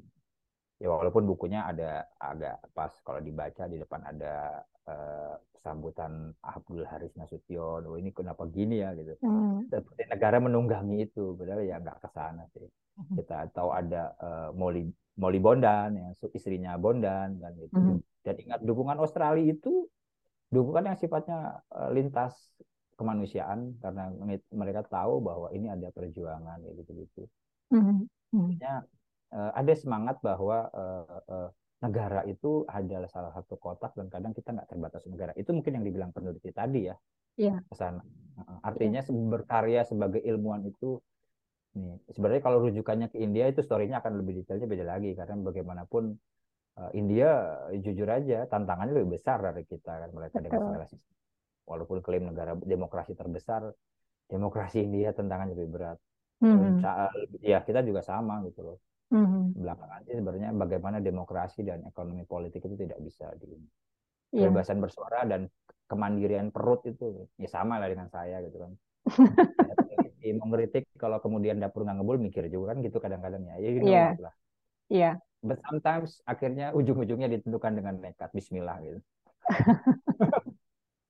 kayak gitu yeah, yeah. Itu, itu tantangannya ya maksudnya kembali ke tadi sih pilihan apakah ini sebenarnya tapi itu yang perlu diiniin sih. Nah, mm-hmm. dan itu, saya bilang ke kemarin juga ketika di apis ini. Dan orang seperti saya dalam arti e, bapak ibu Jawa artinya kadang lebih gampang. Saya kan mayoritas ya beberapa people saya laki-laki saya Muslim, saya Jawa, udah tiga tuh mayoritasnya. Hmm. But somehow gitu loh, eh, saya dulu tidak pernah ngaku Jawa zaman Soeharto. Karena saya sebel aja. Sebel itu bukan karena saya so anti Soeharto. Karena waktu itu kenapa semua harus dijawakan ya? Saya kan itu ada ada menteri bukan orang Jawa tapi di sok Jawa tapi jadi kikuk gue bilang kenapa sih? Ada apa sih? Pokoknya waktu itu sebel aja melihatnya gitu. hmm. gitu. tapi hmm. ketika pas Soeharto kesannya semua disalahkan ke Jawa. Loh kan yang salah Soeharto kenapa semua orang Jawa harus tanggung? Gitu. Ada pertanyaan-pertanyaan itu jujur gitu. Loh kemudian saya bilang ya coba jadi Jawa lah betul akhirnya oh ternyata Jawa begini ya. Oh gini gini saya berdebat dulu sama bapak saya kenapa sih orang Jawa gini? Gitu. Tapi ya bapak yeah, saya yeah. itulah makanya saya bahkan mikir uh, saya dulu bisa berdebat sama bapak saya kencang. Terus dibilang ibu saya udah udah nggak usah berantem. Terus saya mau ibu bapak saya ngeliatin gini saya berantem? Lagi diskusi gitu. Itu memang berdebat. Iya iya iya. dan kebayang bapak saya adalah bapak saya juga pendidikannya nggak tinggi dan bukan pembaca yang banyak gitu. Tapi entah gimana dia bisa aja terima gitu loh. Secara hmm. culture kan dia kan lebih lebih monoculture lagi dibandingkan saya kan. Iya, iya. Tapi dia sanggup menerima saya yang let's say deviant or something lah ya. Hmm. uh, yeah. gitu. Ya, makanya tapi itu menarik. Makanya buat saya ketika seto itu karena ada ruang dia untuk itu dan uh, berapa banyak orang yang mendapat ruang untuk uh, uh, atau kemudian ya bahasa agamanya hidayah atau kemudian kepentak mikir kenapa ya gitu gitu loh istilahnya. Hmm kan itu ya kadang-kadang orang nganggap semuanya for granted gitu ya betul kemarin tuh ada teman bahkan orang Sri Lanka itu. Dia bicara tentang bagaimana sistem kasta itu membentuk eh, eh, katakanlah perilaku sosial. Kayak contoh cari istri kan gitu setara dan lain-lain. Itu dia cerita. Oke sampai satu titik buat dia ya kita cuma manusia gitu. Makanya saya bilang ya lu lu apa dia punya kelebihan untuk bisa berpikir itu. Dan itu memang hal yang dicita-citakan orang-orang kayak Bang Wijaya kan gitu. Manusia yang bisa berpikir otonom terlepas bahwa kemudian nanti dia kalah oleh sistem itu lain lagi ya hmm. makanya itu nggak semua harus menang kan gitu itu yang Iya, ada yang menarik nih Cak dari omongan lo tadi. Uh, dari tadi lo memaparkan soal uh, apa tadi algoritma, terus ya, uh, ya. perspektif orang terhadap diri kita, kemudian pengkotak-kotakan gitu. Itu masih relevan nggak sih, Cak, sama kita nih yang di internet? secara internet tuh dibilang global village. Kalau kalau pertama Global Village itu kayaknya ini ya awal ya sama ya seperti ketika orang membaca Google, apakah dengan Google orang menjadi pintar atau kemudian orang malah tersesatkan karena eh, tingkat literasinya rendah. Mhm. Ya kayak membaca gitu kan. Balik ini bicara lagi kemudian antara orang sudah merasa tahu, stay foolish tadi ya. Kalau saya sih melihatnya gitu. Jadi kayak membaca kan ada membaca kalau saya contoh yang paling konkret adalah perdebatan seorang alumni akuntansi dengan di dalam negeri dengan seorang profesor dari Al Azhar tentang tafsir sesuatu gitu dulu pernah. Mhm. Itu kan menarik ya. Eh, sebenarnya ketika sosial media ini kan salah satunya adalah post truth di mana matinya otoritas itu tadi. Karena memang literasi tentang membaca itu orang lupa bahwa membaca itu ada level-levelnya gitu kan. Bahkan termasuk di sini sebenarnya kayak lagi ketika saya mulai kuliah nih selalu diingatkan lagi tentang critical thinking. Critical thinking itu kan memahami teks itu lebih lengkap, uh, mempertanyakannya juga, tapi juga mengapresiasinya. Jadi lebih melihat sebuah teks itu. Kita nggak ngerasa ketika membaca satu informasi udah tahu segalanya itu. Uh, staying apa ya? Ada istilah kemarin yang saya dapat dan saya suka dari healthy skepticism, artinya yang sehat ya, bukannya kemudian jadi muram dan ini. Hmm. Wah dunia selalu penuh masalah bukan, tapi ada ada hal yang kemudian memang sementara kecenderungan yang ada adalah dengan sosial media dan lain orang masih lebih tahu oh saya tahu kemarin baca ini gitu loh. Tapi apakah kemudian mengkritisi umpamanya mulai dari nasab sumbernya gitu kan asbabul urutnya dan lain-lain sisi imparsialitas dari informasi itu gitu kita sering bagaimana uh, apa informasi yang di sebelah seperti itu sih jadi soal algoritma tadi kebetulan kemarin saya presentasi dan menulis isi pendek sangat pendek sebenarnya juga nggak belum layak dibicarakan tapi uh, yaitu tentang uh, digital diplomasi gitu loh. Ada hmm. ada ada dua hal saya cuma karena isi pendek cuma seribu kata kurang. Saya takut tadi nggak bisa nulis seribu kata akhirnya bisa alhamdulillah gitu. Saya bisa fokus. Jadi dua hal yang yang yang yang saya temukan setelah saya coba bikin apa uh, uh, apa studi literatur singkat saja yaitu tentang balancing dan adapting uh, adaptation. Uh, jadi pertama kalau soal digital diplomasi itu artinya bicara digital diplomasi itu perlu balance balance itu artinya dari niatan dan pemahaman tentang teknikal hmm. Gitu uh, kita ingin berkomunikasi tapi karena uh, dalam ruang teknikal tertentu itu akan beda contoh uh, karakter teknikal itu adalah karakter Twitter umumnya dengan Instagram itu kan beda itu juga harus dipahami dan kadang-kadang diplomat juga belum tentu paham gitu niatnya wah saya melakukan diplomasi tapi di Twitter lu tidak akan sama dengan di Instagram atau mungkin di Facebook gitu. Karakter mana yang bisa sesuai? Itu kan teknik algoritma adalah bagian dari teknikal itu. Hmm. Dan adaptasi. Nah, adaptasi itu artinya eh, tahulah norma-norma itu. Karakter anak Twitter tuh warga Twitter seperti apa, warga itu hal-hal yang kayak gitu. Nah, kalau kembali tadi algoritma, algoritma itu tadi bisa membuat ghetto makanya gitu sebenarnya hmm. dalam ketika kita tidak paham ada algoritma di situ. Hmm. Gitu. Seolah-olah wah ini sebuah pertanda dari Tuhan. Pertanda apaan itu algoritma. Iya iya iya. Kadang-kadang kan orang suka orang ini. Uh, iya gitu loh. Uh, ya kalau saya sih jujur di umumnya di Twitter, Twitter itu kan saya ikut akademik tweet tapi sebagai apa penonton doang saya jarang nge-tweet saya malas terlalu serius juga atau sekalian mm -hmm. saya ikut sit post jok yeah. bapak-bapak kayak gitu-gitu ya bikin yeah. fun Iya. Gitu aja, Bu. Iya. Uh, ini soal soal ini nih, Cak. Sorry gue potong. Soal krit, membaca dengan kritis uh, dan betul. apa ber, berbasis critical thinking. Terus ada kaitannya juga dengan internet. Uh, uh, kan kita jadi seperti merasa punya saluran nih. Kita mengkritik sana sini, kemudian uh, menjatuhkan dalam tanda kutip ya tanpa sengaja orang-orang yang kita rasa tidak cocok dengan uh, pandangan kita gitu. Kemudian saling menghujat gitu. Itu sekali lagi gue jadi ingat sama 1984-nya Orwell yang hmm. kalau ada sesuatu yang tidak mengenakan bagi masyarakat banyak, kita berbondong-bondong menghujat gitu. Dan gue ngerasa hmm. lama kelamaan tuh kita kayak gitu, kita digiring. Kasusnya yeah. Giselle aja waktu itu, ya hmm. ya nggak viralkan Giselle tuh kan sampai ada tag hashtag kayak gitu kan Eh, jadi orang padahal yang melakukan kesalahan seperti Giselle itu banyak banget gitu kan. Nah, ya tapi kenapa dia nih yang terus dihujat gitu? Eh, dan gue jadi ingat waktu kita ketemu Budi Dharma dulu, Hmm. eh, itu kan dia nggak pernah mengkritik secara ya mengkritisi secara ilmiah oke, tapi Hmm. eh, mengkritik sesama sastrawan lah gitu. Kan Hmm. kita nggak pernah dengar ya saling menjatuhkan gitu. Nah, ini terkait juga sama semalam nih gue dengar obrolan tentang Hmm. karya sastra lah gitu, diskusi Hmm. buku. Pembicaranya tuh mengeluhkan itu. Gimana kita justru jadi saling menjatuhkan instead of saling membangun, saling mendukung. Justru karena ada kemudahan yang diberikan oleh uh, Global. Village ini gitu. Uh, ya gimana nih, Cak?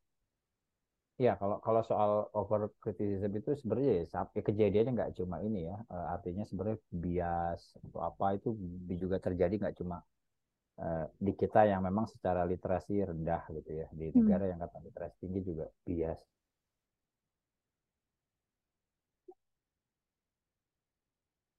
gitu. Ada terjadi semacam kalau terkait dengan algoritma dan populisme, saya belum pernah riset sama sekali ya, tapi dugaan saya kalau mau sok-sok tahu gitu, Eh, karena memang itu membangun semacam apa ya, dibilang ghetto ya bukan ghetto ya, semacam kayak monoculture tanpa sadar, Mm-mm. ya kan. Eh, terus kemudian eh, keriuhan, bagaimana kemudian kita tahu lah era internet eh, ke warnet, era internet smartphone itu beda komentar. Facebook aja pada Facebook, Mhm. Benar. karena ya itu udah satu beda gitu kan. Eh, eh, smartphone ini membuat semua orang kemudian bisa memposting apa pun Sementara kalau era warnet harus ada effort dulu gitu loh. Mungkin harus tadinya mau ngerjain tugas tiba-tiba buka-buka sosial media atau gitu. Itu itu kan dari karakter. Terus kemudian bahkan sebenarnya yang lebih ngeri lagi kemarin ada teman dari Vietnam dia presentasi tentang AI. Tahu kan AI yang Mm-mm. kita bikin paper dan lain-lain. Bahkan Iya. bisa bisa banyak gunanya. Bahkan ini kan lebih lebih lanjut lagi dari itu gitu loh. Eh, sampai ada temen yang guru dan nanya perlu nggak sih kita ngajarin gini? Karena kata udah murid tuh udah AI ngapain saya belajar gitu loh. Mhm. Uh, uh, ini sama dengan ketika kita menganggap Google itu tahu semua gitu loh. Kan ada kayak meme tentang uh, apa ya uh, we must go to library because we know uh, apa yang di internet itu nggak semuanya benar gitu loh. Artinya itu. Ya, sebenarnya ini kan juga bagiannya di library juga nggak semuanya benar artinya kembali lagi bahwa tapi paling nggak di library ada semacam apa eh, bisa jejak-jejak ini yang bisa dipilih. Nah, kembali ke soal itu, kalau saya sih memang ini eh, lagi-lagi kan kayak contoh eh, eh, Facebook dan lain-lain itu kan ada AI-nya sehingga dia bisa membayangkan dan AI itu kalau kata temanku yang eh, orang Vietnam itu bilang sebenarnya AI itu bisa tahu kita karena dia kita mengasih informasi ke dia, dia bisa membaca Mhm. merekam gitu loh. Eh, tapi juga pasti ada bias gitu loh. Contohnya dia ngasih gam contohnya dengan gamblang ada gambar orang kulit putih dan orang kulit hitam yang dianggap potensi kriminalnya tinggi adalah yang kulit hitam. Artinya gini, AI ini punya kalau teman saya orang yang percaya AI ini baik tapi juga melihat harus kita harus melihat sisi negatifnya gitu loh. Ada Hmm. banyak hal teknologi akan bisa dilakukan AI. Bahkan kalau umpamanya ada film-film Hollywood yang bilang mesin akan menguasai kita, dia masih bilang itu terlalu jauh. Tapi mm, ma- manusia sorry ya, menguasai manusia. Tapi bahwa AI menguasai segelintir manusia itu masih mungkin karena manusia itu eh, eh, mempro- memposisikan AI ya lebih lebih dari dirinya. Dia yang apa ya? secara mentally inferior compared to AI. Contohnya adalah mahasiswa yang nggak percaya diri menulis essay sendiri malah percaya AI kan gitu gitu kan. AI itu bisa kalau di, di- dicari sekarang bahkan dia bilang AI itu belum canggih gitu loh. Masih banyak kesalahan umumnya dituduh ini orang mengkritisi itu masih bisa gitu. Nah, problemnya kan ada aja mahasiswa malas yang menganggap wah tulisannya AI lebih keren daripada Nah, makanya kemarin ketika ada diskusi ini diskusi di kelas kami ya di Latrobe juga nggak terlalu banyak anak Australian Awards-nya karena banyak kan ke kampus yang lebih besar kayak Unimap dan lain-lain. Tapi justru malah lebih lebih saya jujur malah menarik ya dulu saya kampus saya di Queensland itu kan lebih gede lebih banyak orang. Ini kampus kecil ternyata memang lebih, lebih hal serunya juga banyak. Jadi Hmm. kita sama-sama anak saya lebih diskusi. Ada ya itu guru tadi nanya. Jadi saya gimana? Terus saya kalau saya gue bilang saya dari sudut pandang sebagai orang yang pernah belajar Mhm. Saya eh, menghargai guru yang membolehkan muridnya untuk bodoh. Saya bilang Hmm. gitu. Saya cerita, saya sudah membunuh kata pintar itu sejak lama karena saya capek dengan ketika overcome itu soal pintar. Jadi saya ketika saya mau bego ya saya bego aja gitu loh. Iya, dan ketika itu justru malah akhirnya membuat orang untuk ber- oh, mengeksplor itu. And Mhm. you know what? Dan saya selalu ngomong ini ke teman-teman Goodreads. Hal yang membuat Goodreads itu menarik adalah kita bebas memposting apa pun selama itu terkait dengan pengalaman kita tentang buku. And we Betul. never judge people taste of reading. Mhm. Nggak ada. Sampai Iya, kalau kemudian, oh orang ini seru ya membaca. Kayak Ijul, Ijul lah, Ijul. Ijul kan iya, dulu. Nggak bacaan gitu. Gue membaca Ijul. Oh Ijul tuh sukanya gini ya. Walaupun sampai sekarang saya nggak pernah satu selera sama Ijul. Tapi saya tahu Ijul bisa suka itu dan itu selera. So, Mhm. saya ingat masih sama Helvitiana Rosa kita membahas bukunya Tommy F. Awe itu apanya? Iya, Saya suka kertasnya ringan. Hmm. Iya sampulnya bagus. Iya, Itu iya, yang iya, so it, it's okay to be stupid and it's okay to be apalah gitu. iya, Jadi lu iya, nggak usah jadi smart ass. Iya, Kan AI itu dikasih ruang karena lu pengen jadi smart tapi lu are stupid. Jadi jadinya bukan smart beneran tapi smart ass. Mhm, mhm. Gitu loh. Iya, Itu itu kalau saya sih di topeng gitu loh. Mhm. Makanya lu eh, eh, eh, itu tadi kalau bilang "Eh, kalau ada anak sampai kayak istriku dosen ya dengan segala duka sampai satu titik ya gue bersyukur gue cuma peneliti kalau dosen kayak juga nggak cukup sabar di, di kemarin tuh di guru kami tuh namanya George eh, dia keturunan Greek dia setelah selesai kita puji semua muji dia terima kasih ya sanggup sabar menghadapi kami karena kami ya jujur ada kayak datang telat gimana Mhm. tapi dia sabar banget itu salah satu Mhm. figur guru yang mungkin ya itu tadi akhirnya murid kayak kami gitu ya mau nulis cuma seribu kata aja males banget wah apa sih ini kayak gini juga nggak dinilai kan gitu tapi Mhm. kan dikerjain saya Mhm. tetap bikin PowerPoint yang secara serius dan ternyata juga mendapat sambutan menarik gitu-gitu gitu. Artinya setiap orang berusaha ini. Nggak nggak ada yang perfect tapi kemudian tiap orang berusaha menampilkan sebisa mungkin. Karena Mhm. Facebook dan lain-lain itu kayak pernah ada kasus ini kan? Anak yang kata tulisannya keren tapi ternyata isinya kosong gitu. Iya, itu. Iya, ya sama. Kita juga kalau saya dalam contoh kecil lain juga pernah ngalamin bagaimana kita suka menggunakan istilah-istilah keren biar kelihatan pintar padahal pintar. ya itu cuma Mhm. recording doang gitu kan kayak ya apa sih gitu. Mhm. kayak ngomong kopi aja awal-awal yang lagi booming ini acidity-nya pret gitu gitu-gitu sama Padahal tergantung lidah itu kan, padahal. iya bahkan Hmm. habit ngominnya gimana gitu gitulah Eh, Iya. jadi intinya eh, kalau saya sih kembali ke tadi algoritma tadi itu sebenarnya entah gimana karena gini ya saya bukan ahli matematik tapi pola path dependent itu kayaknya menjadi kuat di algoritma. Path dependent itu semacam gini kausalitas itu ditentukan apa yang jadi contoh ketika ada eh, contoh ada ada tiga bola. Ini contoh yang paling simpel lah ya mungkin nggak terlalu cepat. Ada tiga bola warna biru kuning dan hijau.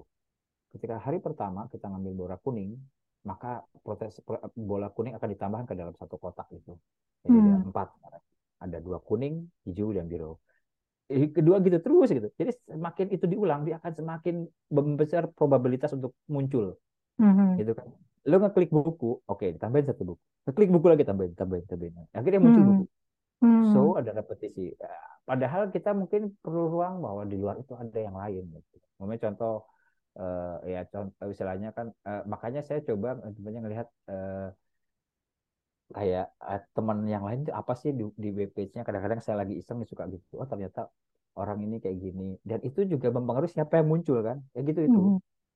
dan kita Mhm. yang penting satu tahu bahwa eh, yang tampil di Facebook di Instagram tuh nggak real yang real tuh yang lebih interaksi itu kan iya. Kayak gitu. makanya itu tadi soal menjudge itu tadi kan kayak contoh kadang-kadang eh eh, kayak sastrawan lah ya saya jujur saya saya zaman dulu eh, apa ya? Dulu Mas Ikrar apa yang ngomong ya? Ya mungkin ini juga terlalu judgmental tapi benar juga sih. Sastrawan itu kadang-kadang kalau bagus lagi berkarya ya tapi kalau lagi ribut ragunan juga keluar mulutnya. Sisi lain dari seniman lah ya sisi lain dari seniman gitu. Iya, iya. Ya sidang sidang DKJ jotos-jotosan iya. juga kan. Iya. Itu Nah, aneh lah. Sangat-sangat tidak sastrawi itu. Padahal mereka yang mengajarkan halus budi bahasa ya. Iya, itulah. Eh, eh, makanya di, di, di sisi lain eh, eh, eh, apa yang kalau kembali ke BBM itu saya jujur kalau ini agak subjektif ya. Saya termasuk orang yang eh, agak-agak anti heroisme itu saya gak usah lah hero. Kita tuh cuman mungkin agak kalau dalam bahasa Gus Paham mirip gitu loh. Lu kenapa sih bisa begitu? Ya karena ditakdirin aja lah. Iya. sama kayak saya sekarang. Bisa lu bisa sekolah malah jalur sekolah doa ibu dan anak. Intinya jangan pernah bawa lu udah ini karena itu itu lebih enak loh buat saya ya Betul. pribadi. Ya Iya, ah, iya. udahlah gitu. Eh, eh, bukan berarti kita nggak ambil tanggung jawab. Jujur kita, kita tetap ambil tanggung jawab. Saya saya melakukan ini untuk dapat sekolah ini mencari IELTS gini-gini itu tetap ada usaha ke sana. Tapi apakah Hmm. gara-gara IELTS saya bagus? Apa gara-gara proposal saya keren enggak kemarin saya bisa diacak-acak itu itu ada Eko di belakangnya Iya, ketawa. ini juga sama ini. Ini baru ketemu profesor dia. Sama dia. Ini nanti tukang bikin drone ini. Itu Iya, iya. maksudnya. Jadi eh, apa ya? Hidupnya lebih enteng gitu ya. Bismillah Benar. aja. Ya Udah Iya. gitu loh. Kadang, kadang, kan sastrawan juga gitu. Eh, eh, Harus eh, dapat Nobel ya. Atau enggak atau ini saya ingat ini almarhum Remi Silado dengan dengan puisi belingnya. Hmm. Puisi beling itu kan semacam dekonstruksi terhadap kemapanan bahwa puisi itu harus begini harus begitu. Iya. Makanya beling ya. Iya, Sa- sama dengan buku Goodreads itu pada awalnya yang membuat Goodreads fun itu adalah semua orang bisa bisa ketemu eh tiba-tiba hai oh gini ya oh gini Hmm. Iya. dan jujur ya terlepas bahwa ada tapi kayaknya Goodreads algoritmanya nggak sebrutal Facebook ya kita nggak ketemu kayak contoh gue tetap bisa ketemu Ijul ya kan Hmm. ya kan ya kan Hmm. bisa ketemu arti oh ini kan beda tapi bisa ada Iya. beririsan gitu ya Iya. muncul di timeline aw- awal-awal itu ya Iya. itu itu itu, itu yang menarik gitu ada selera Hmm. banyak gitu kan ada Eri yang tiba-tiba ngomongin apa sih dulu Pride and Prejudice awalnya Hmm, kan hmm. Itu juga ada eh, apa Fifty Shades malah of tanpa Grey. algoritma itu iya iya Fifty Shades of Grey gitu justru Hmm. malah tanpa algoritma yang terlalu tanpa kontrol you know kan Iya. apa kalau bahasanya 84 apa lah 984 Big Brother Hmm. apa Big Brother yang mengawasi Big itu Brother. Pan- panopticon Hmm. Hmm, hmm, hmm, hmm. Big Brother atau Panopticon istilahnya sesuatu invisible hand yang sebenarnya juga Iya. nggak invisible invisible banget there there gitu nah Hmm, gitu hmm. kan. itu kalau aku sih ngelihatnya ke sana jadi Hmm. eh, bahwa sosial media itu sebenarnya bisa tanpa algoritma yang kayak gitu ya mungkin ini pengalaman orang awam ya dan Hmm. itu fun ya kita pengalaman di Goodreads kan fun ya maksudnya Iya. dulu tuh Goodreads dulu kan ada orang baca ini sautin gitu dan orang Iya. juga nggak harus pintar kan Iya. pemikirannya gitu kan Yang penting funnya. itu kan. Itu sementara kayak contoh nggak usah gini lah. Saya di Twitter juga setiap bahkan ketika ngomongin eh, eh, kantor aja saya suka ketawa-tawa. Itulah saya bilang ya itulah dunia ini. Kadang-kadang eh, semakin banyak orang ngomong kata makin ketahuan bahwa dia sebenarnya nggak tahu gitu. Tanpa bermaksud sok bijak dengan kutipan itu ya. Tapi maksudnya Ya. memang iya gitu loh. Eh, kemudian eh, ya saya respect saya mengambil banyak manfaat dari Twitter. Umpamanya contoh ada akun yang menyediakan tentang buku-buku how to bagaimana buku-buku sharing link sharing publikasi itu saya menikmati sekali tapi juga ada banyak orang yang kemudian "Ih, kenapa ya orang ini gitu loh maksudnya gitu ya Mhm.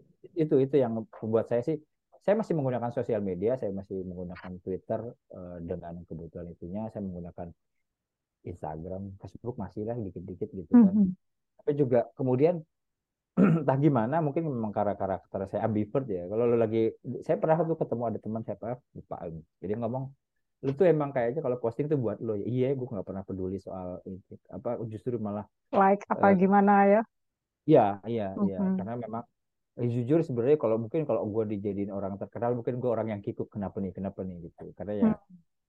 energi gue malah nggak cocok di situ gitu loh. Hmm. gue cocok dengan sebagai orang yang kelihatan ya kalau lagi mau ini even sampai kemarin ya gue di, sini di AS kebetulan di Victoria sini di negara bagian Victoria berapa kampus yang baru nerima mahasiswa AS yang ngumpul? Dari Melbourne dari Victoria Uni dari RMIT dari Latrobe eh ya Monash nggak nggak ikut nggak tahu kenapa gitu kan nah ngumpul. Itu kan besar ya di kayak di pub gitu tapi ngumpul ya dikasih minuman dan cemilan ya gue tuh tiba-tiba memang menyadari eh, emang ya gue nggak nyaman di tempat ramai gini. Gue duduk di pinggir tetap aja tapi ngeliatin orang-orang gitu. Oh gini-gini. Ya itu.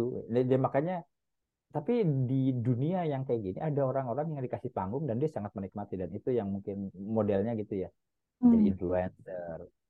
Kemarin Ya, ya istriku nulis beberapa tentang itu dia kata sebenarnya ini juga mempengaruhi karena eh, eh, kalau di dunia akademik matinya otoritas di pola komunikasi gatekeepernya berubah. Dulu ada koran, koran ada gatekeeper semacam ya, kayak penjam- ya mereka bisa dikatakan bukan kontrol ya ada standar tertentu. Kita ya. membaca Kompas, Tempo dengan ya perspektif mereka ada di situ, tapi paling nggak ada semacam standar validasi. Nah, Hmm. dengan standar validasi influencer ini kan beda ya. Satu, nggak semua influencer punya otoritas eh, teknis tentang hal yang sedang dia bicarakan gitu kan. Tapi mereka punya pengikut gitu kan. Hmm. Hmm. Ya, me- memang sebenarnya udah banyak sih penelitian tentang kayak eh, eh, sosial media dan penguatnya, penguatan kanan kayak kita tahu Trump dengan Facebook kan ada cerita tersendiri kan, bagaimana Trump menang, Ya, bagaimana pembenahan masyarakat di Amerika melalui Facebook juga terasa sekali ya. kayak gitu. Itu itu yang yang memang kemudian dalam beberapa catatan eh, sosial media punya dampaknya tersendiri. Mungkin suatu saat saya sebenarnya ya challenge buat orang yang ngerti itu ya algoritma itu mungkin algoritma itu dibuat membuat orang untuk tahu bahwa ada yang sama tapi ada juga yang beda. gitu. Ya. Mungkin itu Hmm. itu ya. Terakhir nih, Cak. Hmm. Terakhir, eh, apa namanya? Kalau lo jadi Romo Mangun Hmm. dan melihat situasi sekarang yang udah kayak gini nih, tapi Hmm. ternyata masih ada juga eh, fenomena-fenomena yang ditulis di burung-burung manyar itu terjadi Hmm. sekarang. Kira-kira lo akan nulis apa? Hmm. apa ya? Ya pertama eh, kalau kalau dari perspektif Mangunian, bagaimana mencari ruang individu di tengah umpamanya eh, masyarakat yang semakin kayak contoh kelompok ini kelompok itu, lu nggak tahu ini, lu nggak tahu ini nggak gaul kan gitu ya? Hmm, hmm, Ya kan, iya kan gitu ya kan? Iya, Eh lagi di ini lo di Twitter lagi ini ini apa sih? Hmm, So it's okay to be different, so it's okay to just to be yourself dan enjoying dalam istilahnya. Tapi ya pokoknya nggak harus semua di internet ikutin. Mungkin itu ya kalau yang relevan dengan Roma Mangun sekarang ya. hmm, Kalau dulu ketika nasionalisme harus kemudian diartikan A gitu loh. Sementara ada pilihan Seta Dewa. Hmm, Sekarang ini dengan tren sosial media harus begini begitu, it's okay to be apa ya Cooper gitu loh. Mungkin hmm, Coopernya bukan dalam konteks menurut orang-orang yang rame di sosial media ini Cooper, tapi menurut gua gua nggak Cooper.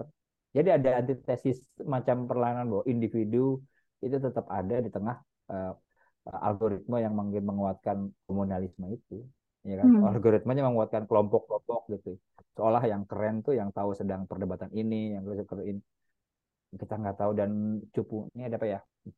Dan kita tetap enjoy dengan kita ya itu mungkin Mangunian versi sekarang kayak gitu kali ya.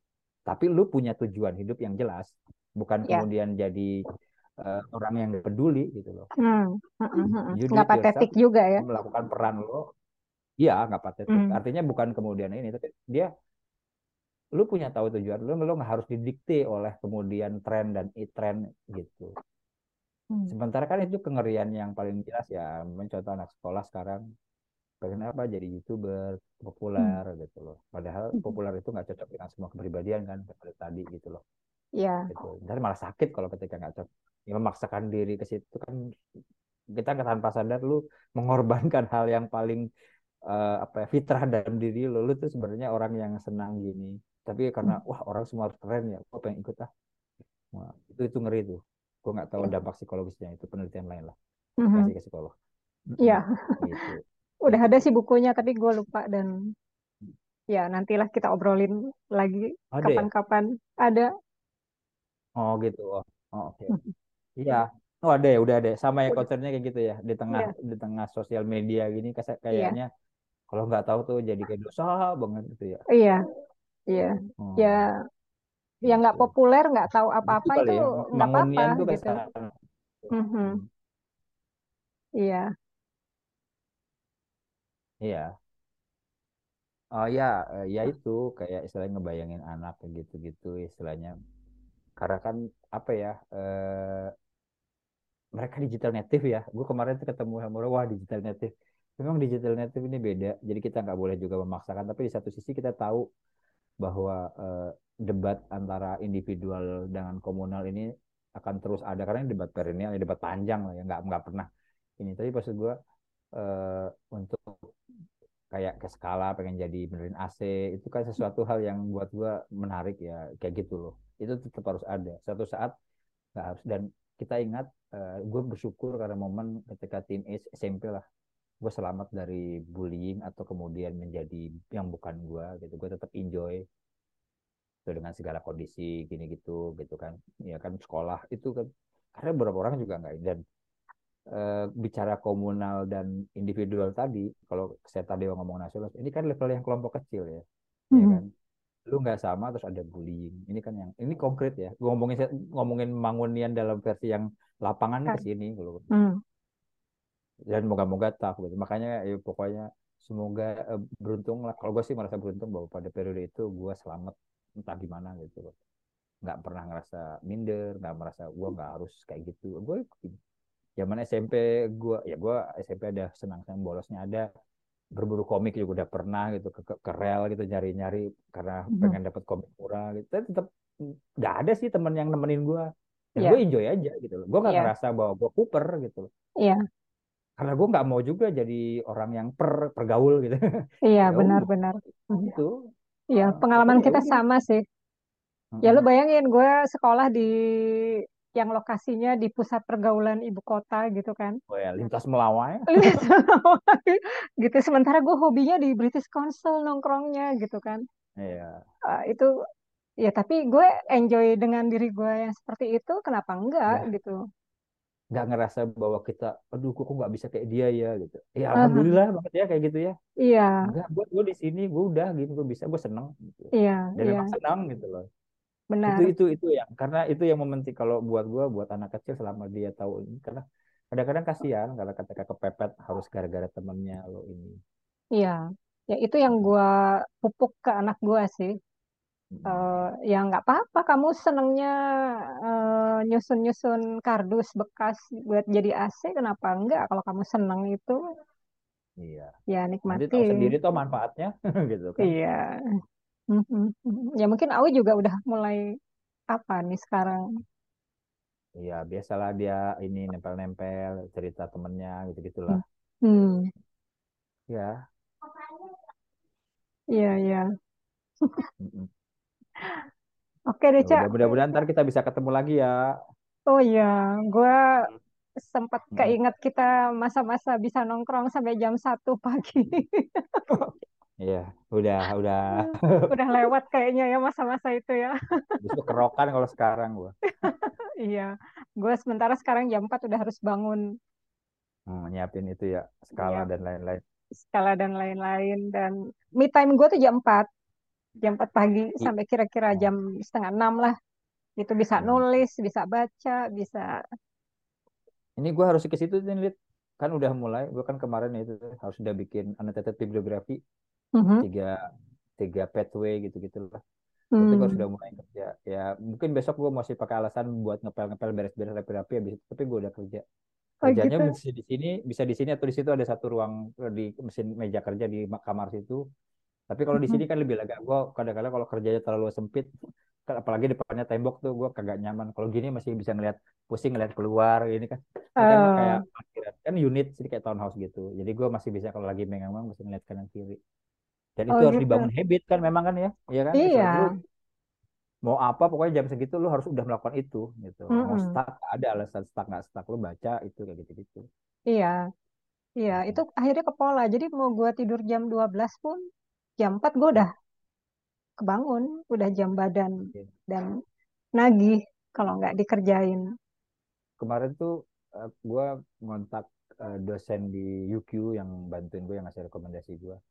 Dia hmm. bilangnya senang gitu, memang orangnya baik ya. Uh, uh, dia kasih rekomendasi buku nanti gue bisa share itunya ebook ipapnya lebih ke hmm. how to gitu tapi tentang uh, hiperfokus atau apa bukunya. Jadi kayak oh iya ya, membagi waktu mulai dari membagi waktu membangun daily habit gitu gitulah intinya. Lu harus tahu ada beberapa diagram ini gitu.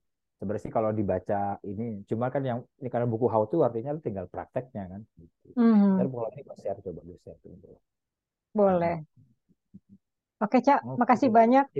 Yo sama-sama. Semoga kita bisa cepat kopi darat lagi, entah gue yang ke sana atau lo ya. pulang. ya nanti pokoknya iya. ada apalah yep Gitu ya, Lit. Thank you, Lita. Oke, minggu gua ada kerjaan lah ya.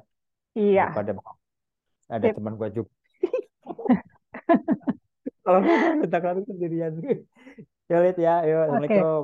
Salam. Oke, teman-teman wahana kecil, terima kasih sudah menyimak obrolan kami bersama Danto Srianto. Ketemu lagi di obrolan wahana kecil berikutnya. Sampai jumpa dan terima kasih.